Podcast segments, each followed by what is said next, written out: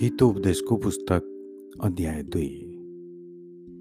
बुद्धिबाट प्राप्त हुने नैतिक लाभहरू।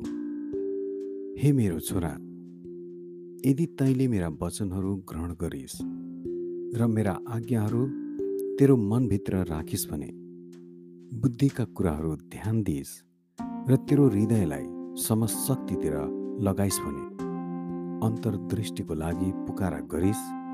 र समशक्ति पाउनलाई चर्को स्वरले पुकारिस् भने यदि तैँले चाँदी धैँ त्यसलाई खोजिस् र गार्धन झैँ त्यो खनिस् भने तैँले परमप्रभुको भय बुझ्नेछस् र परमेश्वरको ज्ञान प्राप्त गर्नेछस् किनभने परमप्रभुले बुद्धि दिनुहुन्छ र उहाँको मुखबाट ज्ञान र समशक्तिका कुराहरू निस्कन्छन्।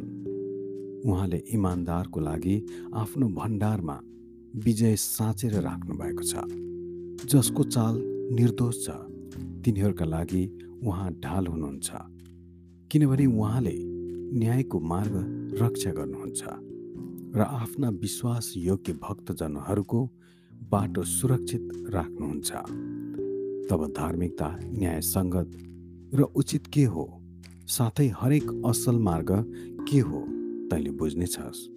किनभने बुद्धिले तेरो हृदयमा प्रवेश गर्नेछ र ज्ञान चाहिँ तेरो प्राणको लागि आनन्ददायक हुनेछ।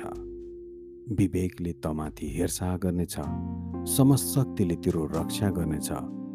बुद्धिले तँलाई दुष्ट चालबाट र छली कुरा गर्ने मानिसहरूबाट जोगाउनेछ। त्यस्ताहरू इमान्दारको चाल त्यागेर अन्धकारमा हिडडुल गर्छन्। तिनीहरू खराब काम गर्नमा प्रसन्न हुन्छन् र दुष्टको बदमासीमा रमाउँछन् जसका बाटाहरू बाङ्गो टिङ्गो र जसका चा आफ्नै चालहरू कुटिल छन्। बुद्धिले तँलाई बेबिचारिणी र अनैतिक स्त्रीका लोभ्याउने कुराहरूबाट जोगाउनेछ जसले आफ्नो यौवनको पतिलाई त्यागेकी छे र परमेश्वरको सामु आफूले बाँधेको करारको व्यवस्था गरेकी छे त्यसको घरभित्र पस्नेलाई मृत्युले ओह्रालो लैजान्छ र त्यसको बाटोमा लाग्नेहरू मृतकको देशमा पुग्छन्।